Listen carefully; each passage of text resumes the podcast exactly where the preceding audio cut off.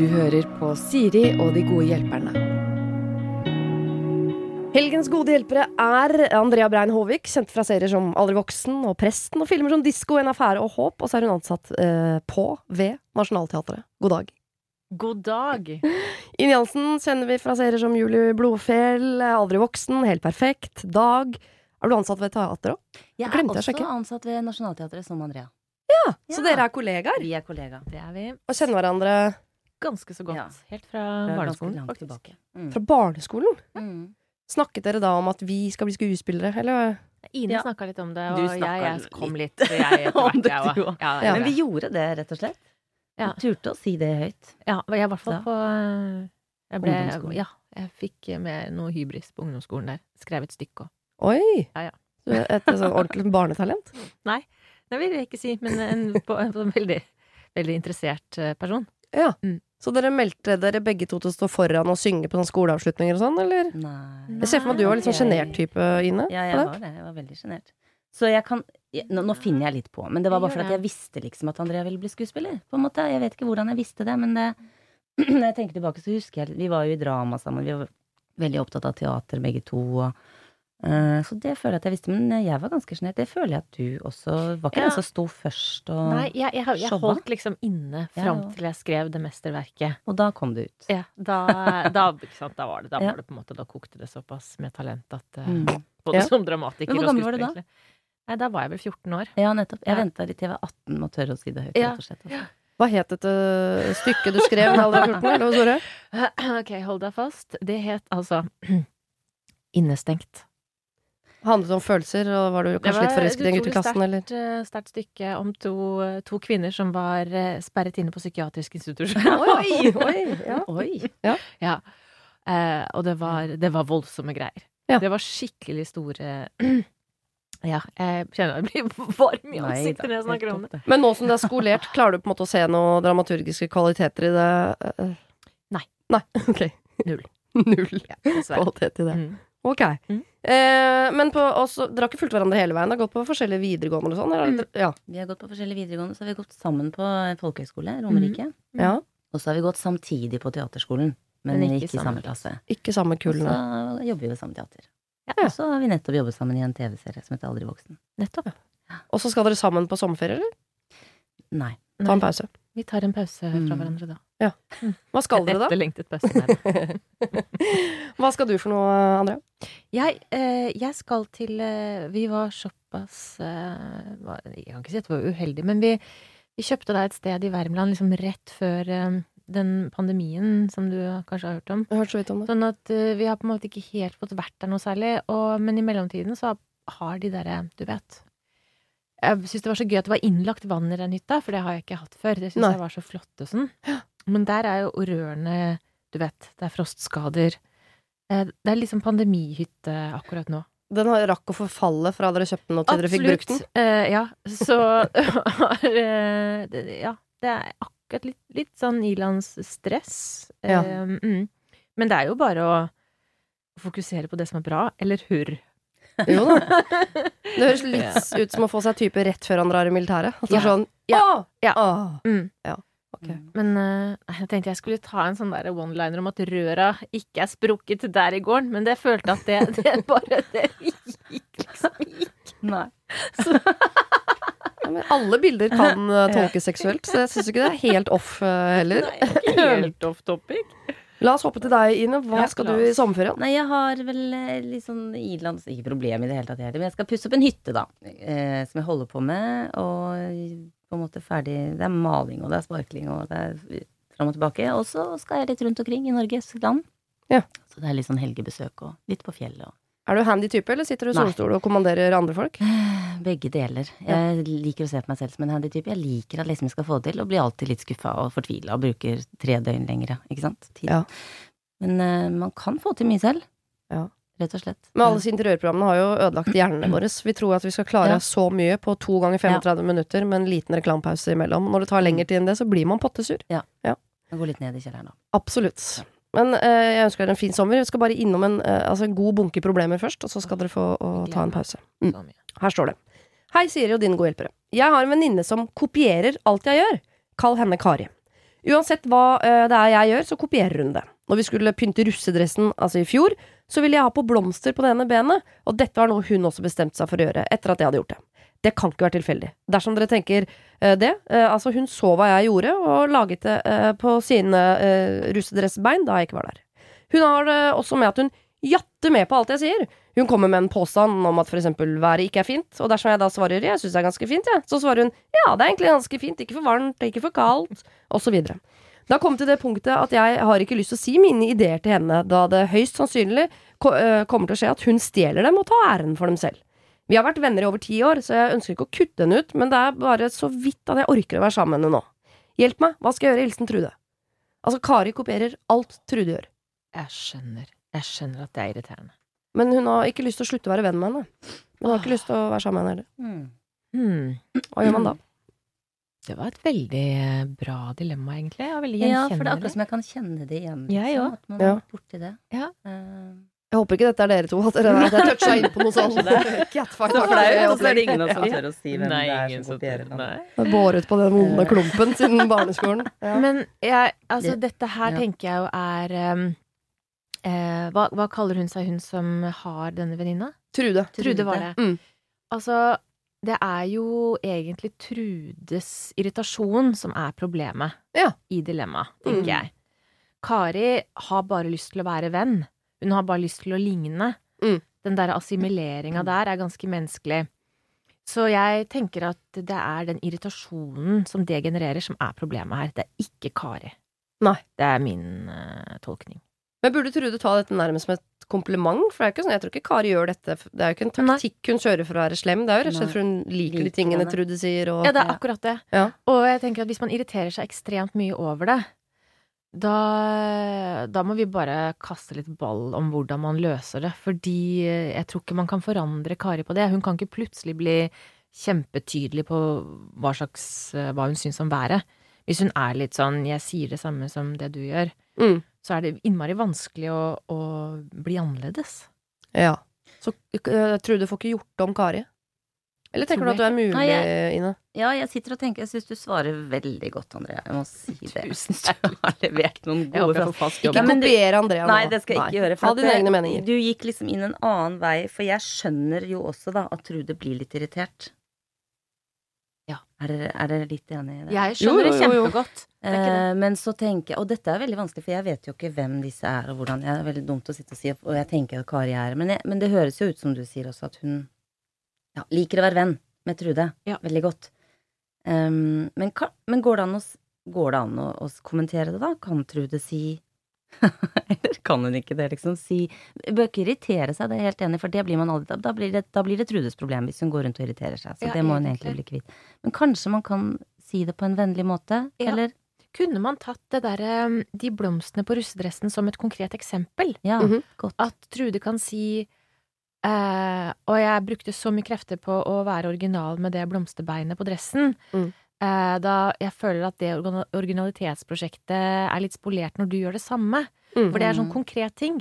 For hvis jeg som venn hadde fått høre sånn derre ah, eh, Hvorfor skal du være liksom så random og liksom bare eh, ja, kjøre slalåm mellom mine meninger og sånn at, det liksom, at du aldri er for langt unna. At det er irriterende. For det er så Mm. generelt at da føler man seg så dum. Da vil, da vil Kari Mm. føle seg så dum. Ja, det er enig. Men at hvis det er eh, Det tror jeg kanskje jeg ville gjort. Jeg ville tatt utgangspunkt i den der blomsterherminga. Og så vil da kanskje Kari tenke på det neste gang. At Jeg er helt enig i det konkrete at det er fint, men jeg bare tenker at det kanskje er litt sånn Litt for seint å bruke det blomstereksempelet. For det kan virke sånn Har du gått og gnaga på de blomstene på russedressen i over et år? Det vil jeg tenke sånn Det Ja. er Ja. Trude, Ja, nå for det må er du rulle. Det er litt smålig. ja. Ja, Ja. det er et år siden, ja. Har du bare- gått og gnaga på den blomsten et år? Helt enig. Det er for det blir, det blir... For det ville jeg ledd litt av, tror jeg. Sånn Ikke inni sant? meg. Det er ikke nå de er rust, det var i fjor. Var i fjor. Jeg Ja. bare tenker Vi må vente til det er neste sånn konkret, Ja, ja. At man tar det litt der og ja, da. men er sånn konkret, det, Ja, ville jeg gjort. og det er så kult at jeg har det, og kan ikke du lage en som er din ting, liksom? For det, da kan det kanskje begynne å spre seg litt i andre ting òg, at man har hver sine ting. Både Men jeg meninger og husker jeg har, jeg har en, eh, en god bekjent eh, som jeg har tenkt at er veldig sånn som snakker folk etter munnen og sånn, og som er veldig pleasing av type. Mm. Og så har jeg tenkt sånn at jeg syns at det kan være litt sånn utfordrende, irriterende. Ja. Men for noen år siden så sa hun sånn, jeg var i selskap med henne, og så sa hun sånn Åh, jeg tenker at jeg er litt sånn irriterende for andre fordi at jeg har så svake meninger. Ja. Og da ble jeg altså så glad for at jeg aldri hadde sagt noe. Mm. Fordi dette har hun gått og kjent på. Hun har vært sammen med folk som er liksom Det er rett fra levra der, og Nei, ikke faen om sånn, jeg syns det og det er dritfett. Mens hun har vært sånn mm, mm, enig. Og så har hun følt på dette her i alle år. Ja. At hun ikke har vært den som er spydspissen i meningsbæringa. Kjempegodt poeng. Ja. For det er klart at folk får jo med seg hvordan de er. ja, de, de gjør jo det. jo, men det er helt sant, for det er så lett å si 'Å, kan ikke du med noe annet', da? Så, og så plutselig så blir det veldig sårende. Ja.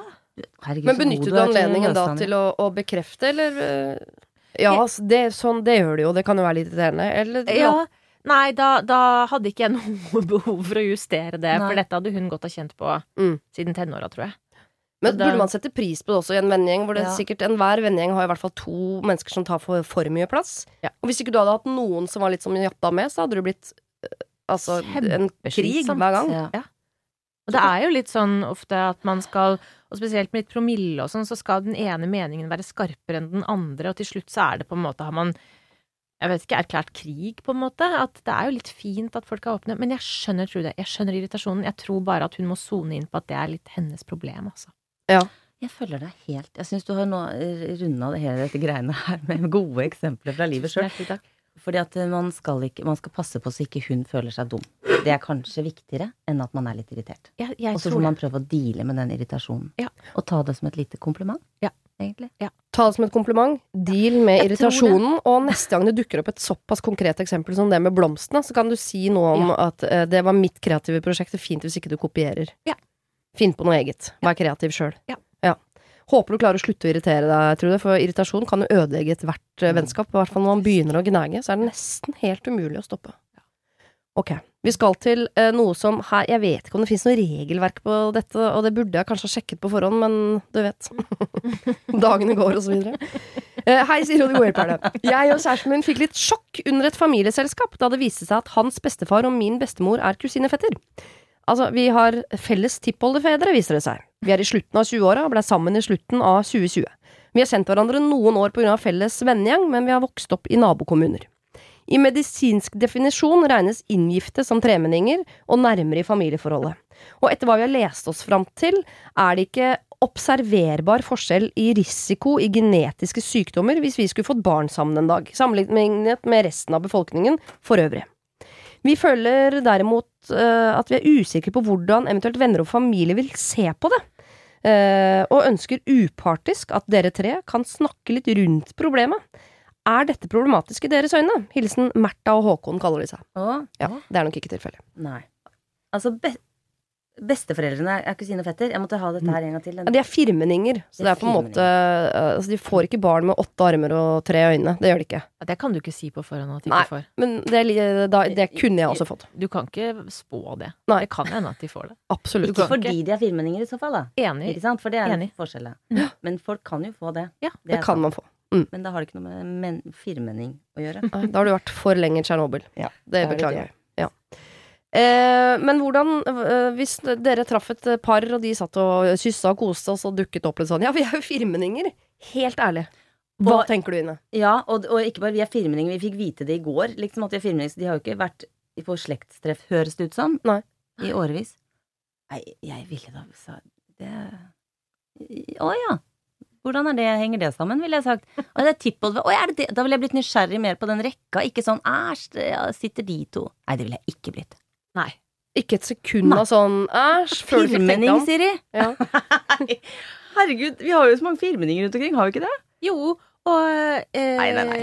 jeg ble stoppa på åpen gate av en som sa at hun var en firmenning. Og da sa hun sånn Det er første gang i livet jeg møter en firmenning, sa hun. Hun visste hvem jeg var.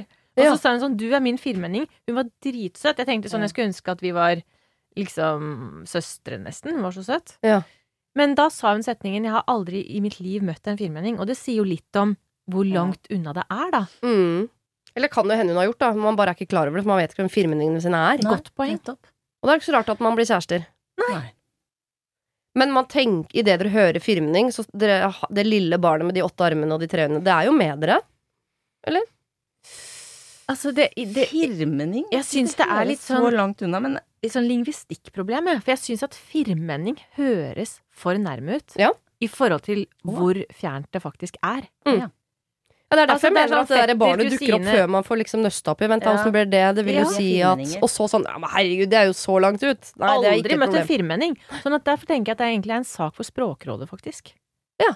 Jeg skal bare sende det det- videre dit, da. Ja, det syns jeg. Jeg syns man skal luke i det uttrykket. Eh, definere liksom hvilke assosiasjoner vi får av ordet firmenning, og hva det faktisk betyr. Hva heter han lingvistikkongen som ser ut som en slags uh, Nei, Morten Harket, bare innen språk? Nei, det er jo Finn-Erik Vinje, Sylfest Lomheim. Lomheim, ja. Han er jo nynorskkongen, da. Men Ja. eh, nei, det er mange gode hva skulle du ønske at det het liksom istedenfor? Du vil at det, det, det, det navnet skal høres ut så mye lenger unna. Du syns at det er dårlig navn på det det faktisk er. Firmening. Det er for nært i forhold til hva det Fillefjernslektning? Ja. Altså få Altså, for både det fille og ordet fjern? Fille, da. Ja. Filleonkel. Jeg vet ikke Ja. hva det betyr. Jeg trodde det var inngifta onkel Ja, da jeg var liten, men det er det ikke. Å, nei. nei. Filleonkel er, er?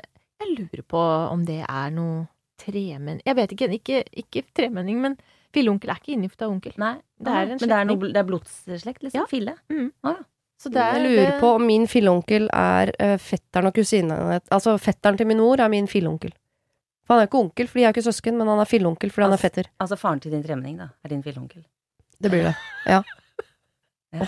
Han og jeg kunne fått søte barn, det er jeg helt sikker på. Jeg har ikke møtt han, men han er sikkert kjempesøt. Bestefaren til Ja. firmenningen din Ja. er filleonkelen din. Det blir på en måte Jeg tenker Det bunner også litt i interesse dette her, for jeg er ikke interessert. Nei, ikke det. Fetter og kusine hadde jeg fått åtte armer og åtte bein, kanskje, eh, følelsen som du snakker om. Mm. Ikke, Mm, det er ikke mer filmen. nærmere. Men eh, ja, ja, nei, jeg tenker at uh, Ikke filmen. Sak for Språkrådet. Må bare Vi sender dette videre til Sylfest eh, Lomheim og Mm. hører om de er villige til å, å omdøpe selve begrepet firmenning. Men vi skjønner at dere spør, fordi det dukker opp et lite sånn nurk med åtte armer og, og tre øyne idet du sier det. Og når vi begynner å nøste opp i sånn, vent da, hvor fjernt uti er det? Så lander vi alle tre på Nei, men herregud, det er ikke noe problem. null problem. Så det er, eh, dette er et språkproblem. Ja. Utover det, ikke et problem. Enig. Nå skal vi over til noe som er problematisk. Mm. Hei, Siri. Snart er det tid for et sommerferie, noe som betyr at jeg, min kone og våre to barn skal på besøk til mine foreldre og søsteren min, som bor en del timer unna oss, og jeg kjenner at jeg gruer meg allerede. Jeg og min far har aldri hatt et spesielt godt for forhold, og jeg føler faktisk at det ble dårligere etter at jeg selv ble far. Det er ganske vanlig, faktisk. Mm. Når vi møtes, så blir det alltid krangler. Ofte er det jeg som fyrer meg opp, altså, men det skjer fordi han bruker enhver ledige øyeblikk til å komme med kritikk og nedlatende kommentarer, som for eksempel Hvorfor gjør dere ikke sånn og sånn med ungene? Hvorfor bor dere der dere bor? Det hadde vært bedre for ungene å bo sånn og sånn. Han mener at unger ikke burde vokse opp i rekkehus, men i enmannsbolig. Dere gidder jo aldri altså, ja. Dere gidder jo aldri gjøre sånn og sånn. Ungene kommer jo aldri til å arve noe etter dere siden dere leier. Eh, Min kone er syk, og vi får derfor ikke lån til å kjøpe noe med min inntekt, eh, selv om den er høy. Bare se hva søstera di har fått til! Sånn kommer aldri du til å få det. Og så videre og så videre. Jeg har forsøkt flere ganger å snakke med han om hvordan jeg føler det når han slenger med leppa, men til ingen nytte, og jeg får ofte kommentarer som 'du får gjøre noe med det, vet du, så slipper jeg å ha så mye negativt å si'. Veldig glad i han pappaen, gjør vi ikke det? Ja. Min mor derimot har jeg et ganske godt forhold til, og jeg kan snakke med henne om det meste, ofte om ting jeg opplever med pappa. Problemet er at hun er veldig nedlatende overfor andre mennesker. Hun kan for eksempel se et bilde eller en video av en person som ser litt annerledes ut, og komme med kommentarer som 'nei, men æsj, herregud, se på huet han der', Nei, altså, det der, og så begynner jeg å le. Og dette kan være mot utlendinger, eller hva det måtte være. Uh, og si ja, de kommer hit for å stjele skattepengene våre og bruker n-ord. Altså, hun er helt ute. Og dette gjør hun også foran barna. Jeg kjenner at jeg begynner å få nok av hele situasjonen, og ved flere anledninger seriøst vurdert å bryte all kontakt. Men så kommer jo dilemmaet om at ungene er vanvittig glad i besteforeldrene sine, og tanta og onkelen sin. Og det gjør jo at jeg har ikke lyst til å ta det fra dem. Men jeg har vurdert å sende ungene dit alene i år. Men av tidligere erfaring vet jeg eh, ikke om jeg tør, fordi de forguder sin bestemor så høyt at holdningene hennes kan smitte over på dem. Og da er ikke jeg der og kan si henne imot, og jeg må bruke en evighet i etterkant på å vende de av med disse holdningene når de kommer hjem. Så mitt dilemma til dere er, skal jeg sende ungene alene, eller skal jeg ofre meg i to uker og få kritikk i ansiktet hver dag for alt jeg gjør? Ja, virkelig, altså her er jeg i villrede. Hjelp! Hilsen familiefar som absolutt ikke gleder seg til sommer og familieidyll. Uff a meg. Oh, meg. Her var- trenger vi ikke Sylfest Lomheim. Her må noe. Nei, Ja, her må noe her må gjøres. noe gjøres. Dette var, hard, dette var hardt, syns jeg. Ja. Men vi har to veldig konkrete Altså, vi har ett valg, da. Ja. Skal han og barna dra, eller bare Ja. barna? Jeg hadde sendt unga aleine. Jeg tror også jeg hadde sendt ungene aleine. Fordi det er lurt, eller fordi det høres digg ut? Fordi Nei. at det er ikke verdt å stå i det der. Og, så, og, og, um, han har et dilemma med at uh, ungene elsker bestemoren sin så veldig høyt, og at han er redd for at de skal på en måte svampe i seg hennes holdninger. Men to uker i året, det er ikke mye man rekker å smitte Mm. ungene i løpet av to uker, altså.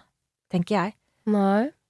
At uh, Man kan jo lære seg noen nye begreper man ikke har hørt Mm. blir brukt hjemme, da. Ja, N-ordet, for eksempel, kan jo plutselig Det kan eh, snike seg inn i vokabularet, men eh, For det der Det høres ut som man har mange års erfaring med det. Eh, Foreldrene er sikkert godt voksne, vanskelig å endre. Uh, Ah, hva tenker du, Ine? Nei, hva tenker jeg? Jeg syns det var så gøy at han helst ville at de skulle vokse opp i enebolig rekkehus. For det er sånn, ja vel. Man kan ønske det, men det koster liksom fem millioner mer. Så det. Men ehm, ja, nei, hva ehm, skal man si til dette her, da? Jeg får jo så lyst til å lage et helvete, liksom. Jeg får lyst til å virkelig bli forbanna på han eh, faren der. Eh, men det har han kanskje prøvd. Og det blir jo mye krangling, så det er noe med Ja, det det Hvis også. han er med det, det, Jeg har liksom sett for meg disse to scenarioene at hvis far blir med opp, da, så blir det mye krangling. Så får de jo også på en måte i løpet av to uker, så adapterer de Ja. også en måte å Ja, er håndtere ting på som er sånn når vi er uenige. Altså.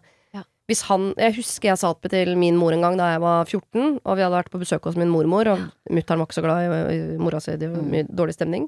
Så sa jeg litt sånn nesevis og veslevoksen sa sånn Du vet at sånn som du er mot din mor, kommer jo jeg til å være mot deg når jeg blir stor, for det er jo det, det jeg lærer av. Oh, ja. Ja, Tenkte uh, Frekk kommentar uh, fra Kristiansen 14, men det er jo helt sant. Så hvis de Mm. barna blir med opp dit i to uker og ser at pappa er sånn mot pappaen Mm. sin, Mm. Det er jo sånn Ja, man skal være mot faren sin når man blir gammel, da. Og det er kanskje verre hvis de ser den relasjonen, enn hvis de er aleine med de. Ja. For jeg har jo sagt til mine barn at ja, eh, om noen folk, eh, hvis det er noen holdninger ute og går, ja, sånn sier de, men sånn tenker ikke jeg. Det går an, og sånn er verden. Verden er full av ulike meninger. Uh, og det er lov å det, det, jeg, jeg, tror ikke det er så, jeg, jeg tror ikke det er så skadelig å få, som du sier, det er 14 dager i året. Å få noen andre ja, tullete kommentarer, eller sånn som moren hans sier om folk. Det, det er ikke så skadelig. Det går an å, å servere noe annet hjemme.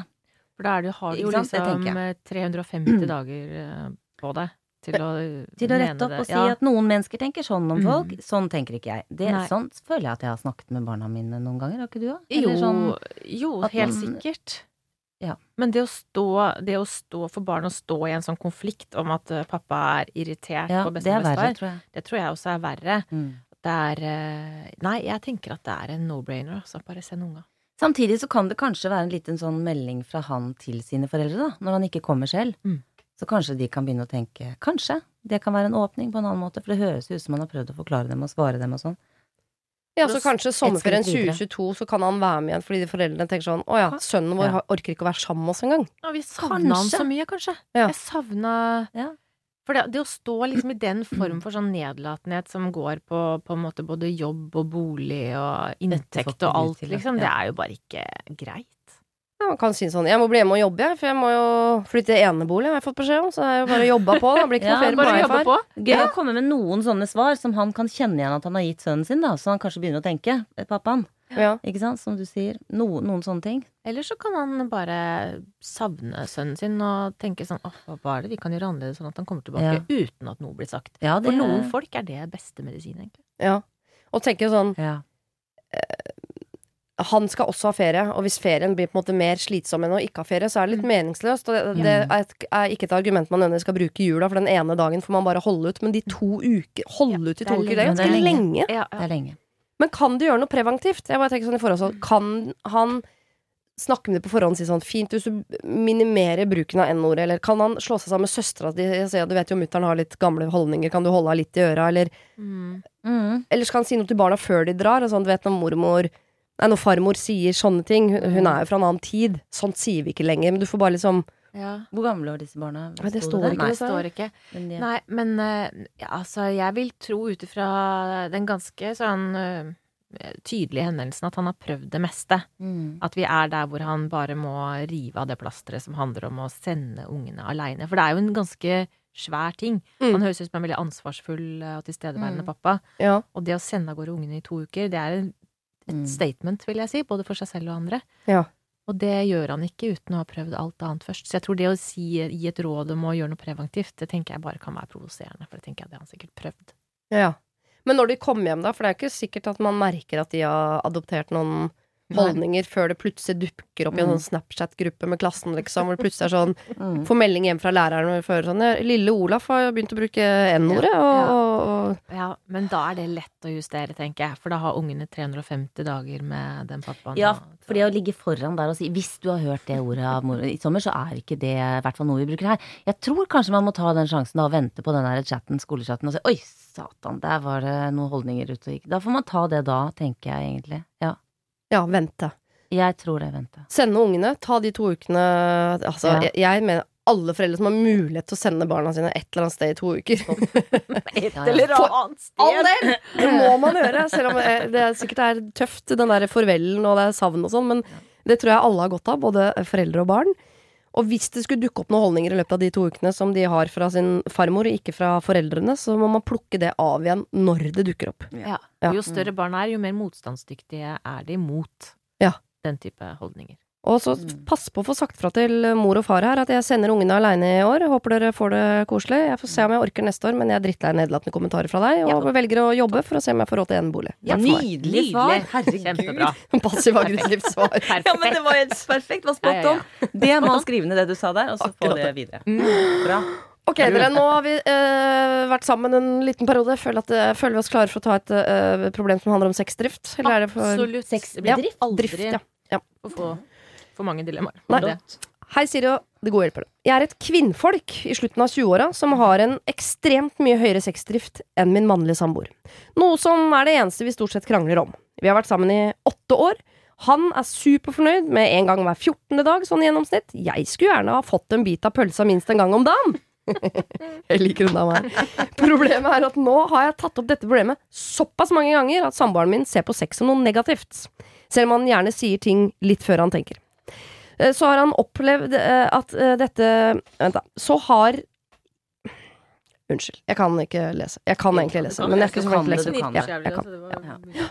Så jeg har ikke opplevd at dette tilfellet eh, sånn sett, og jeg har sagt at jeg skal holde munnen om temaet. Problemet er jo bare at vi er to forskjellige vesener i elskovsrommet. Så hva skal jeg gjøre? Er det en måte jeg kan få ned min egen sexdrift på, så jeg slipper å tenke på dette 24 timer i døgnet? Eller skal jeg bare finne meg i dette, at det er sånn mitt sexliv blir?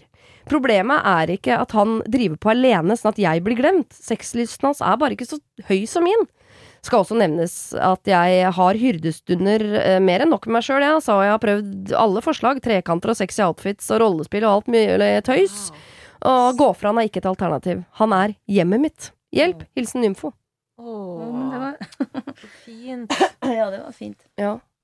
Hun vil ha masse Hun vil ha en bit av pølsa, helst en gang Ja, om dagen. Ja. Han Ja. Åh, hva tenker du, Ine? Nei, altså, dette her er jo kjempevanskelig, liksom. For at eh, de høres jo ut som de er to forskjellige mennesker, da. Ikke sant?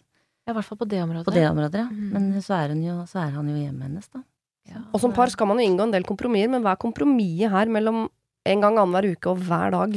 En gang annenhver uke kan man kanskje ratte litt med, eller Ja, men hva skal han gjøre hvis han bare Det går 14 dager mellom at han føler lyst. Ja, det, det syns jeg vel kanskje var litt lenge. Ja, Jo, men det er sånn. Det er sånn. Skal han gjøre det da uten å ha lyst?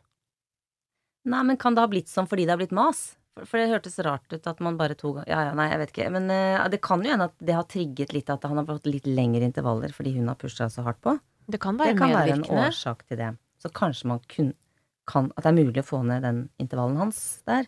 Ja. Tenker jeg da, i hvert fall. Det vanskeligste her er at hun har snakket det i Vanligvis er løsningen sånn 'dette må dere snakke om', Ja. men her virker det sånn 'det må du ikke finne på å gjøre', for du, det, Ja. du har jo snakka for mye om Mhm. det. Du har jo ødelagt det Det høres litt sånn ut som hun er Men, men kunne det Men, være en idé å oppsøke en tredjepart?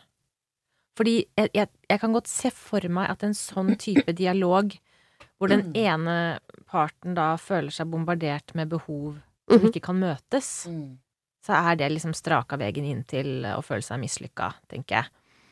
Men hvis man snakker med en tredjepart som er god på dette her, for de er jo ikke det eneste paret i verden som har det sånn, garantert, Nei. da vil det bli en annen type samtale, og da tenker jeg kanskje at kanskje det vil boble opp noen spørsmål Mm. og behov hos mannen også, hvis man finner den gode tredjepersonen, om det er en sexolog eller hva som helst. Mhm. Sånn at det blir mer en eh, samtale enn at den ene bare åh, nå er det så og så lenge siden, hvordan tror du det er for meg? Altså, det er vanskelig på en måte Jeg bare tenker på hvis uh, min mann, da, uh, lokføreren som vi kaller han, Ja. uh, var så lei av at jeg aldri ville ligge med han, og han ville ligge med meg hele tiden, og han maste og maste og tjatra og tjatra om det, og jeg tenkte åh, jeg orker hvis du sier sex, så kaster jeg opp, liksom. Mm. Eh, og så hadde han tenkt sånn, ok, jeg er så lei av å snakke om det, at nå skal vi snakke om det med en annen i tillegg. Jeg vet, Det hadde blitt for mye, hadde det, blitt for mye, ja. Ja. Ja. da skal vi dra til en lege nå som skal fortelle meg at jeg burde ha lyst til å ligge med deg nei, oftere. det- Nei, jeg, bare, jeg men tror da jeg hadde tenker jeg kanskje motsatt. At den, at den tredje personen kunne kunne hjulpet dem med å finne en slags balanse, og, ikke, og, det, og det, at, det er jo ikke nødvendigvis sånn at han må få mer lyst. Nei. Kanskje hun må få utløp Mm. for sine drifter på en annen måte. Eh, altså, dette her er et fag, liksom. Ja. Og det høres ut som det er flere som du sier som har hatt dette problemet. Dette, er, Ja, det vil jeg tro. tror jeg noen kan noe om, da. Ikke tror jeg noen kan noe mer enn oss. Eh, men jeg tror kanskje i hvert fall at ja, det, og det er jo ikke noe løsning på det heller, men jeg tror kanskje at um, For det å bare liksom gå At, det liksom skal snakkes om hele tiden, sånn, det Ja. tenker jeg at da blir intervallene bare lenger og lenger. lengre. Det høres Mm. ut som de har kommet litt dit. Ja. Men det må jo være noe hun kan gjøre som gjør at han får lyst uten at de nødvendigvis snakker om det. Det er jo den Mhm. gamle myten om sånn Nei, jeg har ikke lyst til å ligge med deg, for du har ikke støvsugd aktig. Så hvis du bare støvsuger og kjøper en kvast med blomster, så kan det hende at uh, frøkna våkner, liksom. Men det må jo være et eller annet hun kan gjøre som ikke er å snakke om at nå skal vi ligge sammen, som på en eller annen måte kan tenne han. ja. Og som, det er jo det typiske rådet man gir sånn, men dere må vel ikke ligge sammen hver gang? Kan dere ikke bare øh, kosete og massere uten at det må lede til noe? Den der sensualitetstreninga. Nei, Hun hun, har bitt av pølse og Ja, av pølse. Ja. Men, Og det eh, tenker jeg ikke er veien for henne. Nei. Um, men Ligge med andre, sier ikke ja, Nei, det tenker jeg det er, det, må, det er jo ikke en Hva- god løsning. Hva da? For, Å, å ligge med andre. Hvis han godtar det, sier sånn 'jeg har ikke mer pølse', men det står en bod der borte, Ja, hvor det det, tyter jo pølser Mm. ut. ja, det, det, Det er for de få. Kan, jo hende at det er for dem. Jeg ville ikke anbefalt det. Nei. Tenker jeg. Jeg tenker det kan komplisere det veldig Men hun, mer. hun sier jo ingenting i sin henvendelse om hva som tenner han. Tydeligvis ikke trekant, sexy outfits, rollespill og annet tøys. Nei. Så det er av Det er det en som prøver kveld etter kveld. Det, er, Ja. det, det hun høres ut som Hun skal ha for stamina, altså. Ja, Ja, ja. virkelig, altså. Men, men, men det står jo ikke noe om hva som faktisk tenner han. Mm. Kanskje det, altså, kanskje det kan være at hun er utilgjengelig og trøtt? Liksom, at han må føle at han må jobbe for det. Mm. Jeg veit ikke, det er liksom så mange mekanismer i sånne par. Mm. Og det kan de finne ut av hos en Ja. sexolog, for det kan det hende at han ikke tenner på at hun på en måte er den litt sånn dominante på soverommet. Mm. Hun som tar initiativ, så han får jo innover til med en gang hun Ja, begynner. ja, Så ja. sånn, men det der skulle jo jeg gjort, at hvis han er litt sånn Mm. oppi hodet sitt. Mm. For det står det ikke noe om. Nei. Hvis det hadde stått sånn 'han tenner på det', men, men selv det har gått over, eller Ja. sånn. For kunne man, det kunne vært en kime til å finne ut ah, hvis han tenner på det, Mm. da kanskje han også tenner på det, eller Fordi jeg kan veldig godt forstå at man mister tenninga av en som vil hele tida. Og så høres det ut som hun tar det litt i feil retning, og jeg skal ikke bruke for meg selv for mye dette her, men hvis mannen min hadde mast på meg fra sex og vært litt sånn åh, mase, mase, mase, og jeg tenker sånn Men jeg, jeg har ikke så høy sexdrift, jeg har bare lyst til å Mm. slappe av, liksom. Mm. Det blir ikke noe mer kåt at han da tar på seg noe outfits, så det er noe gagballs, og det er ikke sånn Og det er Hvis det kom en politimann inn med noe hatt for han var kåt på rommet mitt da, fordi han ville ha sex. Jeg hadde blitt forbanna. Ja, Jeg hadde blitt forbanna. Ja. For jeg tenker sånn, jeg har lav sexdrift. Det var ikke det at, jeg, det, at mangla at du pissa meg i trynet. Det, var, det, var ikke, det er ikke det. Det er bare.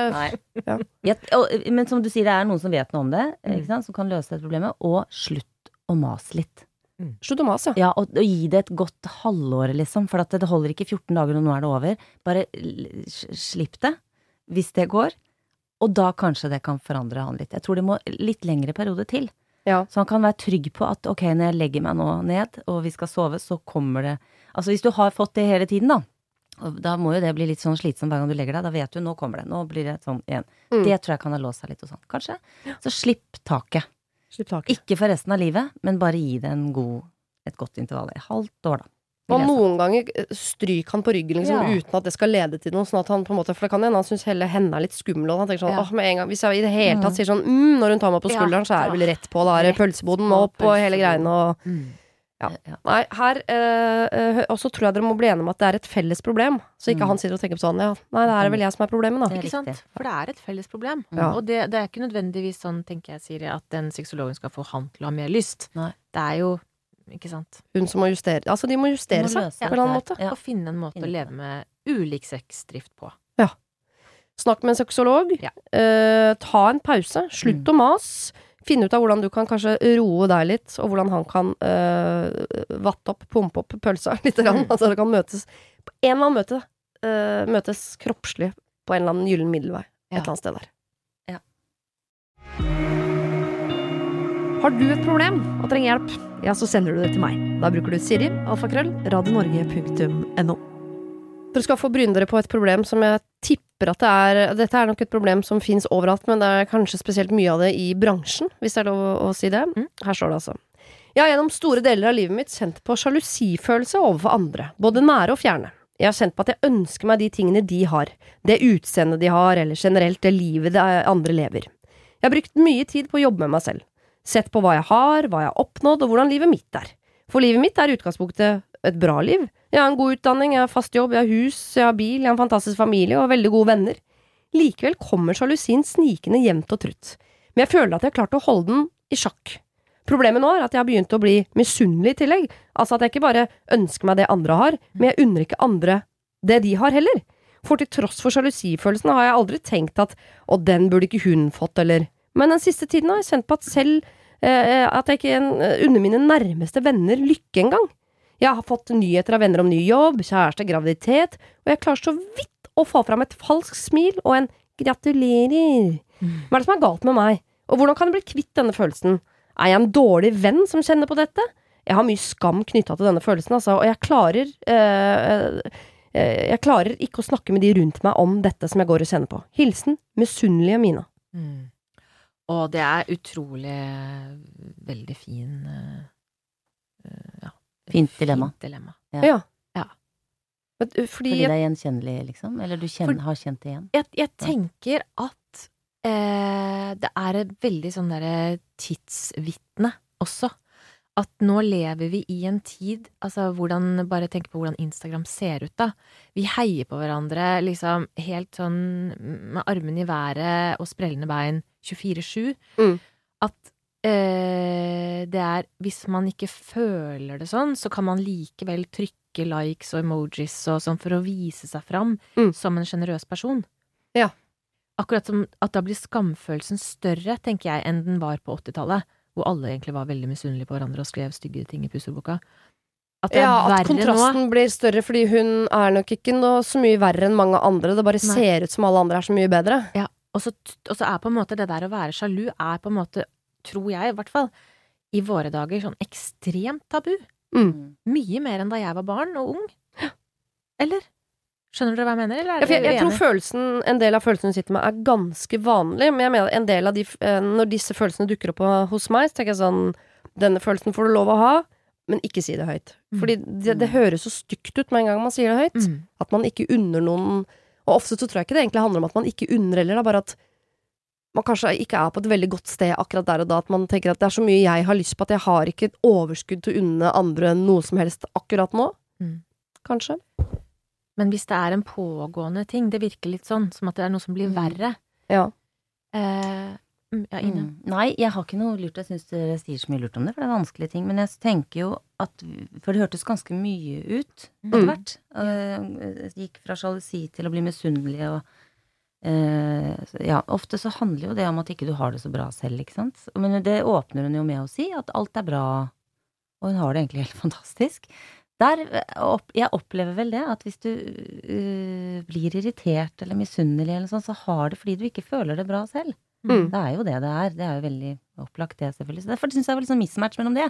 Hvis man har et tipp topp i livet, Hun sier jo ikke egentlig at hun har det bra, men hun Gjør sier at livet mitt er i utgangspunktet et bra liv, og så Ja. ramser hun opp typiske ting som er sånn suksessfaktorer som Ja. god utdanning, fast jobb, hus, bil, bra familie, gode Ja. venner. Men man kan jo ha alle de tingene uten å egentlig ha det veldig bra. Ja, det kan man jo. For jeg tror det er en link mellom det, det å hele tiden bli irritert eller misunnelig eller føle faen, hvorfor skal hun ha det og ikke jeg, har jo ofte å gjøre med at ikke du har det så bra selv. Eller har en eller annen Eh, tomhet da, eller Ja. Er du ikke enig med meg, Jo, jeg tenker at det kan Eller? ofte henge sammen. Um, men jeg syns det, det hadde vært bra, tror jeg, om dette var følelser som man kunne snakke om i Mm. større grad. Ja. Vi snakker om utrolig mye. Ja. Vi snakker om sex, vi snakker om Mm. ekteskap. Det er liksom sånn Men å si sånn 'Jeg er skikkelig sjalu på deg', eller Ja. 'Jeg er misunnelig på henne', 'Jeg Mm. syns ikke hun hadde fortjent den jobben', 'Den burde vært min', det er sånn Det er ingen som snakker sånn. Og det tenker jeg gjør at det kan vokse på innsida i mye større grad. Ja. Det er da det blir farlig. Jeg Men skal hadde- man si det Mm. til de de jeg, jeg tenker sånn øh, Hvis en venninne kommer og sier sånn 'Jeg er gravid', og sånn Jeg beklager, jeg klarer ikke å vise noe glede, for jeg er, så- jeg er så sjalu og misunnelig Ja. at det Og det tenker Ja, ja. jeg er greit. Ja. Ja, det er greit, men det hadde jo ikke vært greit for den som kommer og er gravid og glad. Ikke sant? Så det er en veldig vanskelig og touchy. Tror du det? Ja.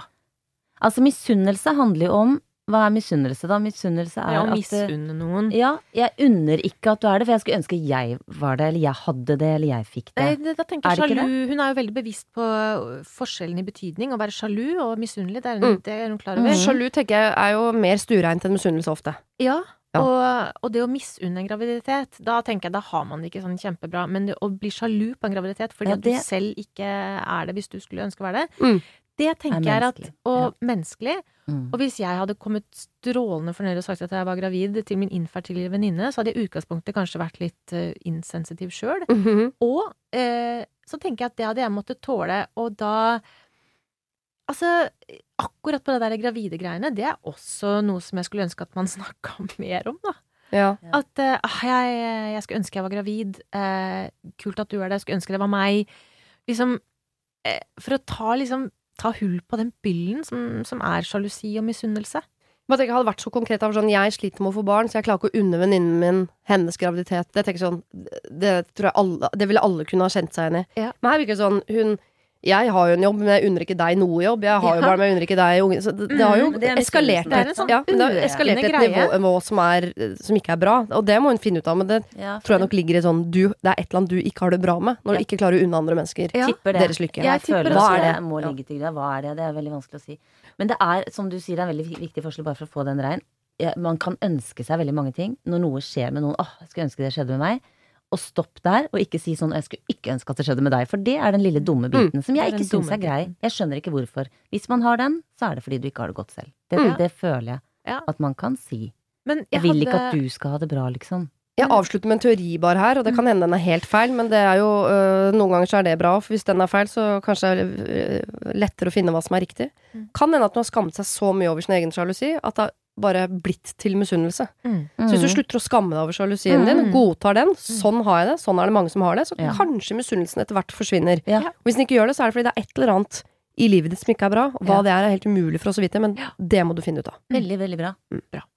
Dere, vi skal til et uh, problem som uh, er eh, innsendt i utgangspunktet til Mental Helse Ungdom, og så får vi det over til oss fra Oskar, nettopp for å drille gutta der ute i at det er lov for dere også å be om hjelp. Og her kommer det. Hallo, Siri. Jeg har fått inn et problem fra Konrad på 25 år, og han skriver Hei sann, jeg er en 25 år gammel gutt og har nå i det siste begynt å bli mer nevrotisk enn jeg har pleid å være. Jeg må trippelsjekke at ovnen er av før jeg drar hjemmefra, at jeg husker å låse døra, at jeg har skrudd av vasken, you name it. Jeg skjønner at dette i teorien kanskje ikke er et problem, men det er litt slitsomt å gå av trikken for å dra hjem og sjekke om man har husket å låse døra, når man ti av ti ganger har husket å gjøre det. Har noen av dere opplevd noe lignende, og hvordan kan jeg bli mer rolig på dette? Med vennlig hilsen Konrad. Først, er det noen som har opplevd dette? Ja. Er det noen som har opplevd dette? Er det noen som kan snakke om dette? Så føler jeg det er meg. Ja. Oh, ja. Er det deg òg, eller? Eh, ja, men mer deg. Er det det, Ja. ja da skal jeg eh, åpne opp og bare si at Konrad og jeg er ganske like der. Jeg må gå om runder, sjekke er det av, er det av, er det av. Gå ut, gå inn igjen, sjekke. Der er det noe tvangs, eller hva det er for noe. Det er det absolutt. Så jeg har en løsning òg, og det er Hvis man skal på ferie, så er det jævla kjedelig å eh, eh, sitte i bilen og så måtte snu og alt dette som han sier at han må gå av trikken. Og alltid er det gjort, ikke sant. Jeg filmer hele raden. Av, av, av, av, av, av, av, av, av. Gå med iPhone, filmer, filmer, av, av, av. Gå ut, låser døra. Jeg har til og med låst. Av. Klikk. Ser aldri på den filmen etterpå, for da vet jeg at det er gjort. Oi! Ja. Så her var det en ganske grei løsning. Ja, da går vi til reklame. Nei da, men altså det, så, øh, Du er kvitt problemet ditt. Eller problemet er jo der, men øh, løsningen er så god at du trenger Ja. ikke å liksom agere på den i form av at du må gå av trikken og dra hjem. Nei, da har jeg det jo på telefonen, men jeg har aldri måttet se det. Det er et ordentlig irriterende teit problem. Ja. Uh, som Har du funnet på dette selv, eller er det en, er det en Nei, jeg tror jeg hørte det. Det var en eller annen venninne som hadde samme greie. Ja. Jeg kan ikke huske helt hvor det kommer fra, men jeg ehm, Han sier at det liksom har oppstått nå. Jeg husker ikke hvor det kommer fra, vet ikke om sånne ting, men jeg tror det kan balle på seg, liksom. At det sånt kan utvikle seg litt. Ja. Finn en løsning. Stopp det problemet. Ja, Så det funker for meg, i hvert fall. Kjempebra løsning. Absolutt løsning på nevrotiske opplegg. Så flaks at du var her, Fordi Ja. for øh, oss som ikke er så nevrotiske, ville jeg bare sagt sånn Ja, men øh, ta deg sammen, slutt å gå av trikken. Kan du ikke liksom Men det er veldig lett Ja, en å sånn si for folk som, som Ja, en sånn Ja. tanke som klør om at hele huset brenner ned, eller at, uh, at man er skyldig At noen, at, noen bry- at man ikke har låst dør, at noen innbrudd eller alle sånne ting. Det ødelegger liksom litt av dagen. for Ja. Hvis du går og henger deg fast i sånne ting. Og så Så det jeg må man bli kvitt. Og så er det en typisk ting som eskalerer også. For jo mer Ja, man ja. tenker på det, så blir det bare verre og verre og verre. og verre, Ja. og verre, og verre. Mm. Ja. Men eh, det kan jo hende at Konrad nå, når han sitter og hører på Ine, tenker sånn Tusen hjertelig takk for det rådet, da var det løst. Men det er også sånn og sånn og sånn og Mhm. sånn. Det Ja. skjønner jeg. Eh, Så det er for, også noe å snakke for hvis det bare handler om det der å skru av kaffetrakteren og låse Ja. ytterdøra, Mm. da tenker jeg at det der er et råd som er, må forgylles. Fordi det er fort gjort, men problemet er hvis det brer om seg. Ja, det Hvis det ikke bare er eh, 'har jeg skrudd av trakteren'? Men i hvilke retninger kan det bre om seg? Nå henter jeg bare referanser fra uh, filmer jeg har sett, hvor det er sånn jeg må vaske Ja. hendene 300 ganger og kan ikke tråkke på kumlokk, og er vi Ja, der, liksom? Det, det tenker jeg er en del av det samme, og jeg vet jo også at under pandemien så har de som har hatt, eller mange av de som har hatt snev av dette, det har virkelig blomstra opp. Sånn at hvis man brukte veldig mye tid på håndvask før, så bruker man ti ganger så mye nå. Ja. Eller at man har hatt noen sånn tvangstanker om at jeg ikke jeg får ikke lov å trekke pusten før jeg har gått forbi neste lyktestolpe. Under pandemien så har det kanskje blitt sånn at man ikke kan trekke pusten før tre lyktestolper. Altså at det, Ja. dette finnes det tall på. At eskalerte blomstrer ja. under pandemien. Mm. At hvis Konrad føler på dette, så kan det være en forklaring på at det har økt i styrke nå i det siste. Ja. Ja. Fordi vi er urolige, og vi har vært urolige over lang tid. Men det er vel noen som har kost seg litt med det òg, for jeg har hørt at det er en del nevrotikere også som sitter litt nå sånn og, og gnir seg inn og sier sånn Det var det jeg sa! Det går til helvete! Mm. Hvis ikke vi vasker oss på hendene. Ja. Ja. Men det høres ikke ut som Konrad er en sånn type. Nei. Men jeg tenker også sånn eh, Det eneste jeg kan sende meg inn i her, er at jeg har, en, jeg har snakket på meg en flyskrekk. Det er godt gjort. det er ganske godt gjort, Ja. men det er også fordi jeg liksom Jeg, fikk litt sånn eh, Jeg var redd om bord i et fly for mange år siden. Mm. Snakket mye om det. Lagde standup om det. Sto på en scene og underholdt eh, mennesker med min egen flyskrekk, som der og da ikke fantes, Ja. men som har kommet fordi jeg har snakket så mye om hvor utrolig redd jeg er for å fly, at nå er jeg utrolig redd for å fly. Yes. Men det har jeg egentlig aldri vært. Det er jo Nei. Nå er jeg kjempeinteressant. Men jeg bruker det også motsatt. Det er, hver gang jeg kjører hjemmefra, så forteller jeg meg selv hvor utrolig deilig rumpe mannen min har. Ja. Jeg smiler idet jeg kjører forbi Kiwi på Sletta i Son, og jeg tenker på den deilige rumpa til mannen min. Den har jo ikke vært deilig på mange år, antagelig. Men eh, jeg lever i den troen, fordi det forteller jeg meg selv hver dag, at han har Follos fineste rumpe. Men det er jo strålende, Siri. Og dette her er jo sånn nevrovitenskap òg. At det vi, det Ja, det tenker mye på, det vokser. Ja. Hvis du tenker mye på bedritne flyskrekkscenarioer, så blir den større. Ja. Og rumpa til mannen din blir bare flottere og flottere jo mer du tenker på den. Den blir større og større den nå, i mitt hode. Den blir mindre og mindre i virkeligheten. Ok, Konrad. Her har vi fått noen utrolig konkrete ting, så hvis det er sånn uh, skru av plata, låse Ja. døra og sånn, så film det. Det er ikke sikkert du trenger å se på filmen engang, for da vet du at du har gjort det. Og hvis det er ting som har eskalert nå under pandemien, pandemien, ta det helt med ro. Det er ganske vanlig. Ja. Slutt å snakke om det. Slutt å hauste opp. Begynn å film. Slutt å snakke, begynn å film. Nydelig. Ok, her kommer det et problem innsendt fra en jordmor. Det er egentlig en, en opplysning som kommer helt til slutten av mailen, men jeg tenker det er fint å ha med seg gjennom hele. Jeg har et yrke og en jobb jeg er utrolig glad for og engasjert i, og det er en del av min personlighet, og jeg kan virkelig ikke tenke meg å gjøre noe annet.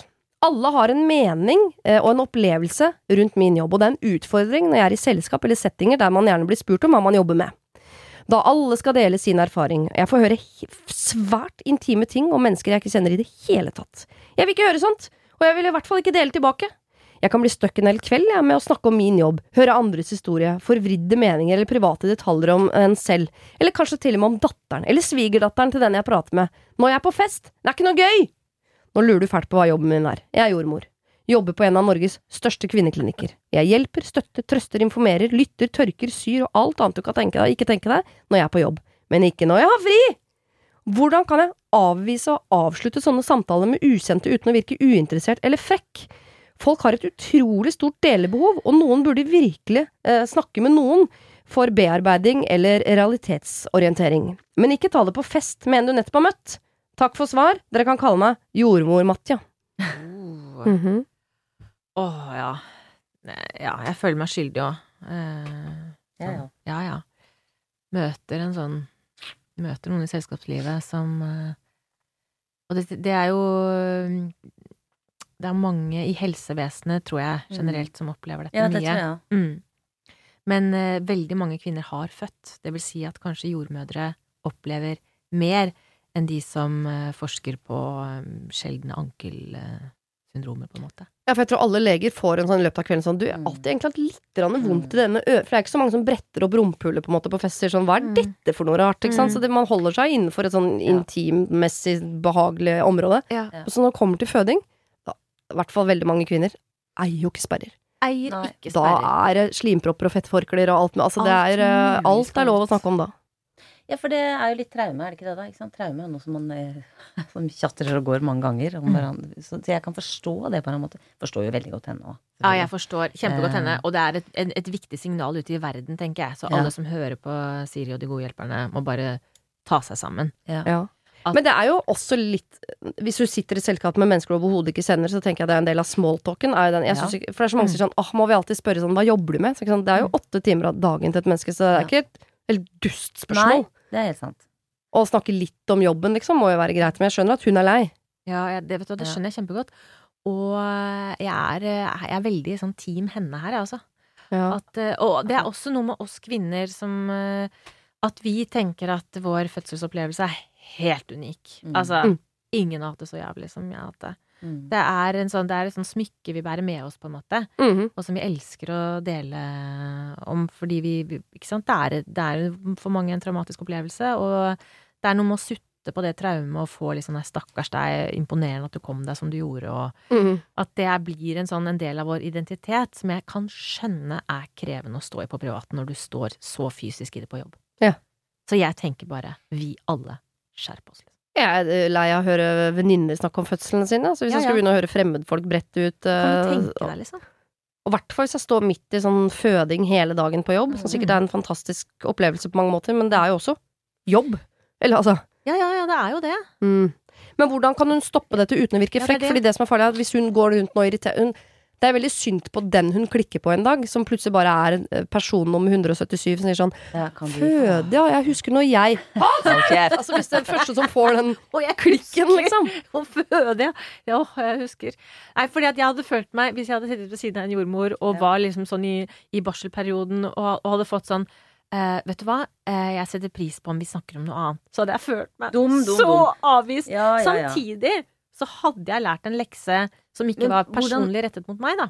Men hvordan skulle resten av den middagen gått, når du satt sånn og følte deg ble helt rød og prikket i hele kroppen og sa ja, det skjønner jeg, det skjønner jeg så godt, og så skal du sitte der. Det er ikke noe gøy. Det, hadde ikke vært, det tror jeg ikke du hadde tatt kjempelett. Eh, Men uh, Tre minutter jeg- pinlig taushet, ja, og så hadde det vært vondt. Jeg hadde aldri kommet over det. Så det er Bøker, ikke det. det. Leser du noe særlig bøker, da? Nei! Okay. Men, uh, nei, men hva fader Og så oppnår hun ikke noe ved å si fra, for da har hun sagt fra til ett menneske. Mm. Ok, hun er nærmere mål, men, det er fortsatt noen sier du noen fra millioner igjen. til alle lytterne dine, Ja, vi og så kan man på en måte kan man si det videre og videre og videre. Og at jeg, jeg, jeg, jeg bare husker at jeg i en middag satt ved siden av en gynekolog som var Hun var som fødselslege, da. Mm. Og da ble det fort sånn Og så arresterte jeg meg sjøl etter ganske få setninger. Og å, dette er du sikkert lei av. Og så sa hun sånn, vet du hva, jeg elsker når folk eh, snakker til meg om fødslene sine. Oi. Og det så ut som om hun mente det. Uh, og det Så da fortsatte du, eh, egentlig? En kjempeanledning. ja, jeg, jeg fortsatte nok litt da, men jeg, jeg hadde sånn selvsensur på allikevel, altså. Ja. Men det så virkelig ut som om hun mente det. Så enten så var hun bare sånn verdens skjønneste menneske eh, som løy, eller så Sånn at det er sikkert ikke Da kan du takke seg sjøl. Ja. kan du takke seg sjøl. Ja. Det har du faktisk rett i.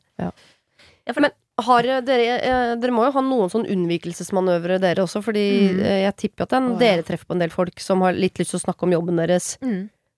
Og så hender vel at man er lei. Mm. Eller har du lyst til sånn snakke med 100 mennesker du ikke kjenner inn om sånn Helt perfekt. Altså, det må være så gøy å jobbe med Thomas Giertsen. Åssen er han? Nei, det, det, det er riktig. Det er Kom igjen. ikke en hel kveld. Um, og det er veldig mange av de samme, særlig i sånn teater sånn Herregud, det må jo være vanskelig å lære seg den teksten! Ja, ja, ja. Sier folk. Og så må man få snakke om det. Så det er, vi har jo også sånne eh, ting vi vet at vi kjenner igjen og som kommer, selvfølgelig. Som alle mennesker har. Jeg tror allikevel at leger og helsepersonell har hakket mer interesserte folk. Ja. Vil jeg tro, fordi det er eh, sikkert noe man har vært utsatt for selv, eller det er liv og død, og det er liksom sånne ting. Og alle har en erfaring. Det er det jo ikke Ja. alle som har med skuespilleryrket, for eksempel. Nei. Nei. Men hvordan man liksom runder av en sånn prat? Hvordan runder man av en sånn prat? Eh, hvis du har en sånn prat? Det, det kan jeg ikke svare, svarer på det. Altså. Nei, du, du, bare, du bare blir stående i praten, du, eller? Ja, jeg, stort sett. Jeg, jeg tror ikke jeg har det i meg å si åh, du er så lei av å snakke om helt perfekt nå. Det, det har jeg ikke i meg. har ikke jeg i Så det heller. kan jeg ikke gjøre, så da blir det sånn den middagen da, ikke sant? Nei da, det, og det gjør det jo ikke, for man skifter jo tema. Ja, Altså, eh, Men nei, kan man ikke skifte til Er det ikke nettopp det som Jo, er nøkkelen? Skifte tema. skifte tema. Spørre et sånt tilbakespørsmål. Men du da, hva Eh, jobber du med da? Men det, det, jeg synes, det, det jeg kan synes er utfordrende, hvis du ønsket å høre om det sånn, det, det Mm. er sånn Åh, hvor har jeg sett deg? Ja. Da, da blir jeg sånn kjempetrøtt. Ja, det vil man ikke svare Jeg på. tror du har sett meg Fordi hva, eh, da, Jeg vet ikke hva du har sett, jeg. Eh, kan det være den? Nei, for den har jeg ikke sett. Nei, ok. Og så, Så må er det du sånn- ta så, så CV-en. må jeg ta Altså, det er sånn Å, hva er det jeg har sett deg For at jeg går aldri på teater. Jeg ser ikke noe særlig film eller TV heller, skjønner du. Nei vel. Ok. Det, akkurat den eh, Den du- tenker jeg at man kan stå over. Ja. ja, der har ikke jeg Det syns jeg også er veldig ubehagelig og veldig Hvor har vanskelig jeg sett spørsmål. deg, Ja, liksom? nei, jeg det, vet det vet jeg ikke. Man kan, fordi mitt uh, råd var også at man kan jo ljuge om hva man driver med. Det gjorde jeg veldig mye før i gamle Altså når jeg jobbet i NRK, og jeg kunne slippe unna med det, så sa jeg veldig ofte Jeg kunne si sånn Hva jobber du med i NRK, da? Så sånn Nei, det er noe regnskapsgreier. Altså, og bare svar Beklager Ja. til alle som jobber i regnskap, men bare svar som om du har et yrke som folk ikke har så mye oppfølgingsspørsmål til. For det er veldig få som har masse erfaring sånn Jeg var glad i tall! Altså, den kommer ikke. Så jeg tenker, hvis det er mulig, så syns jeg det skal være lov å ljuge. Ja. Ok. Ja. Jeg jobber på sykehus, kan du si. Og, og i hvilken avdeling? Å ja, nei, jeg, jeg, sender, jeg bare sender sånn Det er bare noe brev. Eller Du, det er faktisk Syns jeg var bra innspill. Å si at du jobber, at du, du jobber i administrasjonen. Ja, det, da må admin. man si det. Ja. Så konkret, så det stopper der. For å si sykehus, så tror jeg du bare får folk Ja, enig. litt Å, ja. mer Fullt litt, Ja. og så administrasjon eller Ja. regnskap. Men Ja, jeg da tror jeg det er skjønner ferdig henne med det. så godt. Da må man lyve litt hvis man eh, Ja. Da er det det som er Og hvis man skal si fra på en hyggelig måte, så kan man jo, kan man jo dra en sånn Jeg har et prosjekt for tida som handler om å si til folk at jeg ønsker å snakke om andre ting, for jeg har så mange andre interesser. mm. Hvilke interesser Ja. har du? Jeg, jeg hører Kommer det da? Ja, da må hun ha noe i bakhånd, tenker jeg. Da må hun ha noe i bakhånd. Men kan hun ikke lage seg noen standardfraser, da? Som er eh, Ja, nei, jeg, jeg jobber som jordmor, har alt som er å høre om fødsler, så de Ikke trenger sant. vi ikke å gå. Men du, Nei. Fluefiske, hva tenker du om det? Ja. Altså bare Ja. gå, eh, gå et eller annet sted som Ja. Eller den klassiske sånn men jeg så en fantastisk serie på, på HBO her om dagen. Ja. Altså Hun Kate er jo vidunderlig. Så du Titanic i sin tid? Den var god, hva syns du? Ja. Lage seg noen sånne åpninger som man boing, toucher innom og går rett videre. Ja. Det er en god ting. Og hvis sidemannen da er så sosialt intelligent at eh, vedkommende kommer tilbake igjen og igjen, så må man bare flytte seg. Flytte seg, ja. Ja. Ja, det må også være lov. Men nå har vi sagt fra kollektiv til alle der ute. Slutt Ja. å snakke lenge eh, egne fødsler. Den, eh, Det er greit en uke etterpå til de nærmeste, så er, det er på en måte, så er vi Ja. ferdig med det. Ja. Ikke plag jordmødre. De er slitne og lei av uh, det greiene der. Mm. Ikke spør 'hvor har jeg sett deg før'. så får vi bare snakke den liten det er så, det er så å male meg inn i et hjørne. Jeg vet ikke, jeg kan ikke svare på det. Jeg kan også snike inn en minihistorie som uh, binder sammen uh, Helse-Norge og 'Hvor har jeg sett deg før', uh, som er egenerfart og nyopplevd. To uker siden. Eh, Kalnes sykehus. Fremmed lege stirrer meg opp i, mellom skinkene, for jeg hadde et uh, analt problem. Mm. Hvor han sier sånn Har jeg Det er noe veldig kjent med deg. Og så begynte han å snakke om Kompani Lauritzen, mens jeg lå altså naken nedentil og, og spredte skinkene mine så godt jeg kunne. Tenkte sånn Denne samtalen skal vel ikke vi ha? Jeg skal ikke. Ja, det syns jeg var en meget vanskelig samtale. Hvor har jeg sett deg før? Mens han stirrer meg opp i rumpa og tenker sånn. Er det det du har sett før, tenker du? Fordi den filmen har jeg ikke spilt i, men jeg, kanskje jeg ligner. Å, det var grusomt. Det var faktisk ganske er grusomt. grusomt. Oi, oi, oi. Oi, oi, oi. Ok, la oss gå videre. Mm. Eh, her er det et ja-menneske som sender inn et problem. Og det kan også være problematisk å være et ja-menneske. Mm. Hei, kloke dere. Jeg har et problem. Jo mer jeg tenker over det, så syns jeg at relasjonen i livet mitt bærer preg av at det er jeg som er på tilbudssida, stiller opp, tar initiativ. Foruten noen få familiemedlemmer er det liksom alltid jeg og min familie som ber inn. Vi har barn født i begynnelsen av pandemien eh, som noen i familien fortsatt ikke har sett. Nå er jo samfunnet såpass åpent igjen at det er ikke noe problem å møtes. Jeg har bedt noen av de flere ganger, jeg, men det har ikke passa. Til slutt sa jeg at ja, dere får si fra når det passer, da. Og så hører jeg ikke noe mer. Jeg har noen i familien som forventer å alltid komme til oss, og kan for eksempel si å, nå må vi snart ta turen innom dere, men de inviterer aldri hjem til seg. Og det er folk i familien jeg har invitert til bursdager i tolv år, altså, men jeg har aldri blitt bedt på så mye som en kopp kaffe noen gang hos dem. Det samme gjelder hos venner. Det er ofte jeg som tar kontakt, syns jeg. Jeg tar øh, øh, det vel øh, i og for seg som et kompliment at folk vil komme hit, men jeg syns det er rart at ikke folk føler på det og ikke ber meg og familien min tilbake. Vi er en stor familie med små barn, og jeg må rydde og vaske før et besøk, og det er dyrt når det alltid er jeg som spanderer lunsj eller steller stand middager osv. Og dette problemet har jo vært før koronaen også, så nå lurer jeg rett og slett på om jeg bare skal fortsette som i pandemien, pandemien og late som om eh, jeg har kommet ut av rytmen med selskaper. Jeg skjønner at folk syns det er mest komfortabelt å bare gå bort og få alt servert, men er det ikke litt frekt å aldri invitere tilbake, da? Man trenger jo ikke gjøre det så fancy. Må jeg innse at jeg er lite romslig, eller at jeg må droppe nesten hele vennegjengen? Jeg ønsker jo ikke det, så det er jo ikke noe jeg kan si til folk for at de skal få opp øynene heller, eller? Skal jeg begynne å be meg selv bort til folk? Skal jeg si noe om øh, dette, eller skal jeg bare la være øh, fra nå av uten noe forklaring? Jeg er lei av at det er enveis, jeg. Hilsen frøken Småli. Tilleggsinfo er i 30-åra. Hmm. Frøken Småli. Ja, men vet du hva, jeg har ikke lyst til å kalle henne frøken Småli. Jeg har lyst til å kalle henne frøken ja-menneske. Frøken Frøken ja-menneske. Frøken initiativ, eller altså noe som er mer Åpner døra, døra, Ja. Det er klart det er lov å bli irritert at hvis du aldri blir invitert tilbake. Ja. Det skjønner jeg godt at hun blir. Ja. Det skjønner jeg kjempegodt. Ja. Mm. Eh, Jeg er jo ikke så god på å invitere sjøl. Nei, ikke jeg heller. Jeg er ikke Så, så det, der tenker jeg vi er litt like, at vi har mange er invitasjoner vi skulle ha Det er mange. Jeg har en lang liste. i- iverksatt. Ja. Og det begynner å bli skamfullt, liksom. Ja. Ikke sant? Det plutselig så blir en lista så lang. Så jeg skjønner det òg. At man liksom eh, ikke føler at man har tid. Som jo er tull. Ja, og det er et det, annet som ligger bak. men, det, men det hun sikkert har, som Ine og jeg mangler, det er å legge lista lavt for invitasjon. Ja.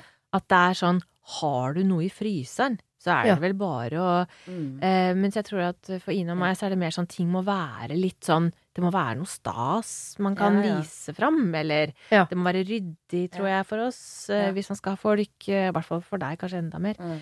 Eh, Litt mens hun her er kanskje litt rausere. Litt lavere skuldre. Litt kulere på sånne ting. Og så Ja. har hun kanskje venner som ligner litt på oss. Ja. Og det er ikke vond vilje fra oss. Det er ikke det at ikke vi vil eller føler at Nei, eh, eller liksom, liker eh, eller elsker. Nei. Det er Hva er det for noe, da? Det var jo ikke vårt problem vi skulle ta her. Nei, det var ikke det. Jeg bare Men vi er er, et eksempel som- på de som kanskje ikke inviterer henne. Og dere skammer dere. Kanskje. Det er sikkert godt for Ja, henne å det er høre. skam. At de skammer seg. Det er litt Det gjør vi. Men hva med deg, Siri? Nei, jeg, jeg, vil først bare si Du må ikke slutte å invitere, for da stopper verden opp. Ja, hvis, ja, det ja, de, hvis de som Helt faktisk er de som inviterer, stopper opp fordi de blir lei, Mm. da er, vi, da er det ferdig. Føkt. Ja, da er det fucked. Det må dere absolutt ikke gjøre. Men jeg syns bare at man istedenfor å bli sur for at man ikke blir invitert, må klappe seg sjøl på skulderen for hver gang. Og, og, og nyte liksom det selskapet man for, for nå velger jeg å tro at For det kan jo hende Det kan jo selvfølgelig hende at frøken Initiativ her At det er ingen som liker deg. Sorry, jeg må si det også, for det er jo noen som inviterer og inviterer. og alt? Vi får gå på fellesskap, men jeg kommer ikke til å invitere tilbake, for hun liker vi ikke. Men Det det, fins, men det er veldig veldig sjeldent. Ja, det er sjelden. Det det er, derimot er mye av, er at man har jo noen sånne inngrodde øh, roller i en vennegjeng. Det er noen som tar initiativ og inviterer inn, og så er det noen som ikke gjør det. Og sånn kommer det til å være for bestandig. Ja. Og hvis de da som inviterer, setter seg ned er sure fordi og venter på de som aldri inviterer, at de skal begynne, Mm. ja, det skjer ikke. Det skjer ikke. Nei. Du må bare godta rollen. Du er gass, og så er du i en bil full av brems. Du må bare gass, du må gasse. Og så må du jo passe på sånn helt konkret at det ikke blir så skeivt? Så man ikke liksom eh, må handle inn og går tom for penger etter hvert. Så man kan si ta med litt vin, og man må være god til sånne ting. Hvis man er den som alltid inviterer, for Ja, eksempel. for det kan også være grobunn for litt irritasjon, kanskje, eller Ja. Kanskje. Slutt å rydde, og gi oppgaver sånn Ja. Grilling hos meg på tirsdag. ja ta med Kan du ta kjøtt. med en kake? Ikke sant? Ja. Da, da er det i hvert fall ikke noe sånn at, at man kjenner på en sånn økonomisk ubalanse, for da blir i hvert fall den borte. Hvis gjestene har med seg noe. Ja. Men eh, jeg Men nå som jeg har to her som da er av typen som ikke inviterer så ofte, da. Mm. Eh, Hvis eh, en venninne av dere som kanskje er en sånn typisk som inviterer inn, Mm. sier sånn Tirsdag, Ine. Mm. Er du hjemme, eller? Jeg tenkte å komme innom deg en tur, jeg. Hadde du fått fullstendig Å, tenk så jævlig hvis det rakner for meg da. Gudskjelov rakner det ikke for meg da. Jeg er ikke så gæren. Du, hvis det ville komme Det syns jeg er helt ok. Det synes jeg er helt topp. Men sånn å tenke seg sex rundt bordet, det derre selskapet, det er det jeg inviterer li lite av, da. Én innom, kanskje to, liksom. Med noe lett. Noe vin og noe sånt. Men bøff bourguignon, liksom, for seks personer, sjelden hos meg. Ja. Men klart hun skal komme innom på tirsdag. Gleder meg til det. Eller man sier sånn Åh, jeg har lyst til på sånn venninnekveld på Ja. torsdag. Kunne vi tatt det hos deg, André? Fordi Det er Sorry, jeg orker ikke å rydde, jeg er så lei. Nei, det, det, det tenker jeg er veldig bra, for da får Mm. jeg liksom litt sånn en oppgave. Ja. Og jeg har, jeg har blitt flinkere. Jeg har faktisk invitert litt mer eh, nå som det har vært lov. Det har vært så veldig sånn mye begrensning i pandemien, og det har faktisk vært en frihetsfølelse Absolutt. for meg. Mm -hmm. Sånn det er maks fem. Ok, fem kan jeg Ja. klare. Mm. At eh, det har vært en god ting sånn invitasjonsmessig. At jeg har ikke Ja. følt liksom det derre Åh, hvor mange må man være rundt bordet for at jeg skal virke raus, eller liksom Hvor skal jeg sette grensa? Ja, Men hun kjenner liksom, henne det er maks to. Ja. Ok, to. Ja. Det syns jeg har vært kjempefint, da. At jeg har fått liksom brynt meg litt som vertinne, egentlig. Det har vært en god skole i å klare å skalere ned. Absolutt. Og en god skole i å ikke bli snurt heller når man ikke blir invitert. Viktig. Ja, ja. Det er også viktig. Ja. Mm. Hva, jeg tror vi, det er fristende å bare si til frøken Fikk hun noe råd? Ja, til frøken ja. Fortsett å være frøken ja. Vi Ja. elsker dere. Ja, vi elsker dere. Ja, ja, Altså, de andre ja. skammer seg. Ja. Elsker at du og sånne som deg fins. Oh, yes. Men du må bare ta lista enda mer ned. Gi oppgaver. Mm. Eller helt konkret sende ut Lage chattegruppe med fire venninner. Si sånn Skulle vi tre treffes til uka, eller? Vi kan ikke være hos meg. Ja. Jeg har mange sånne tråder i min venninnegjeng. Kjempelyst til å treffes til uka. Helst ikke hos meg. Ikke sant? Det må være da- Det, det må være lov. Da kan det hende at et nei-menneske rekker opp en liten hånd hvis det blir stille lenge nok. Ja, for vi er flokkdyr, Ja, ja. ikke sant? Ja. Jeg kan ikke folk. få det til. Kommer det da på tampen i den, og så blir man redd i tre dager, og så går det så bra! Så går det jo bra. Det går jo kjempebra. Ja, ja. Jeg var på grilling hos broderen forrige uke. Det var fiskepinner på grillen. Tenkte sånn, ja ja, det er lov å legge lista lavt. Selvfølgelig! Selvfølgelig! Blir bare trygg og glad, jeg, da. Jeg blir trygg og glad, jeg Så deilig er fiskepinner her. Åh, og rot og helt Ja. Ja ja, bleier overalt. Ok, dere. Eh, tusen, tusen takk for hjelp.